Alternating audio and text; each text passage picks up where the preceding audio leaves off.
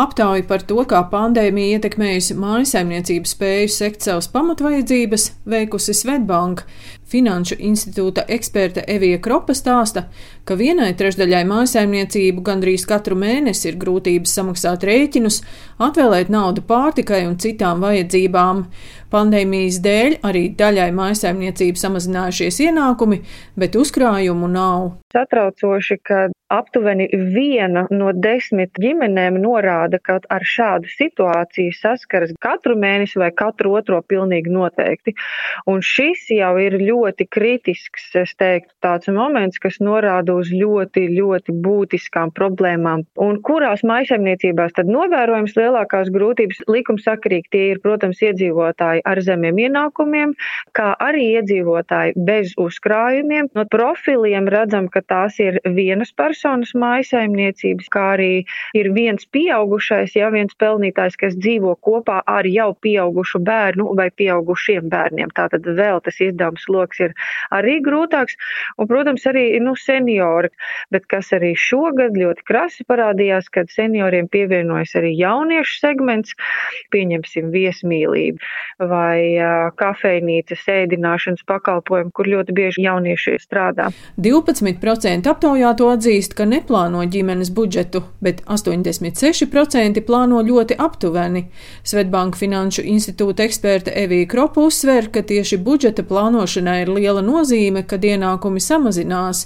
Latvijas bankas ekonomists Kārlis Vilerts vērtē, ka pandēmija plaisu starp turīgāko un nabadzīgāko sabiedrības daļu ir paplašinājusi. Pandēmija trāpīja tiem iedzīvotājiem, kuriem jau pirms krīzes bija salīdzinoši lielākas grūtības sekt savus izdevumus. Un, protams, pandēmijas laikā bija diezgan uh, ievērojams valsts atbalsts, ja tā dīkstāvs formā, algu subsīdiju formā un citos veidos. Tomēr šajās profesijās, piemēram, viesmīlība apkalpojošais sektors, bija arī salīdzinoši augsts ēnu ekonomikas apjoms, aploksņa alga apjoms. Un tā kā pabalsts lielā mērā bija saistīts ar nomaksātiem nodokļiem, nu tad attiecīgi šīm sabiedrības grupām arī tā atbalsta, tā kompensējušais elements nebija tik liels kā ienākuma zudums no pandēmijas. Protams, ko no pandēmijas var paņemt līdzi, ir tas, ka valsts atbalsts šādās krīzes situācijās ir kritiski nepieciešams iedzīvotāju ienākumu saglabāšanai. Es domāju, šos instrumentus mēs varam paturēt arsenālā, un, un pandēmija tomēr ievies arī zināmas struktūrāls pārmaiņas ekonomikā. Arī cilvēkiem, kas pārgāja uz attālināto darbu, ierobežot mobilitāti, bija cieta veikali, bija cieta restorāni un tā tālāk. Līdz ar to cilvēkiem, protams, veidojas arī papildus uzkrājumi. Un, ja mēs skatāmies uzkrājumu pandēmijas laikā, pieaug ievērojami, bet interesanti pavērot arī statistiku, kur koncentrējās uzkrājumi. Tur jāatzīst, ka 90% no visiem uzkrājumiem tur turīgākā sabiedrības daļa. Protams, ja mājsaimniecība ienākumi ir zemi ap 350 eiro mēnesī, uzkrājumus izveidot nevar, var izdzīvot no algas līdz algai. Svetbanka pētījums liecina, šobrīd uzkrājumus veido cilvēki, kuru ienākumi mēnesī ir 750 eiro uz vienu ģimenes locekli.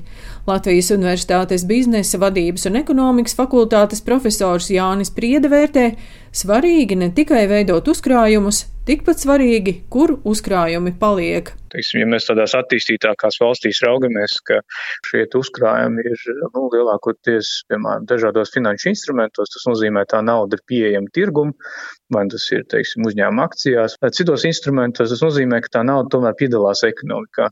Latvijā atkal ir tāda zināma specifika, ka cilvēkiem, ja tie uzkrājumi ir, tad lielākoties atkal tādos depozītos vai vispār skaidrā naudā, un tad tā nauda ir, nu, tādā lielā mērā atrauta no ekonomikas un atkal nedod nekādu tādu labumu.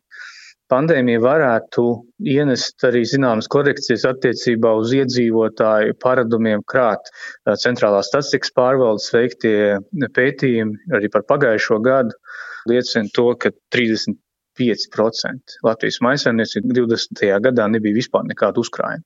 Protams, ja mēs skatāmies no tāda makro līmeņa, nav pārāk laba situācija, kad maisainiecības ar maziem ienākumiem viņa īpatsvars ir pieaudzis. Jā, tas nozīmē, ka šī sabiedrības daļa, kas ir pakļauta nabadzības riskam, aizvien pieaug, un tas noteikti nav labi ekonomikai. Jānis Priede vērtē, ka īsas krīzes maisaimniecību paradumus neietekmē.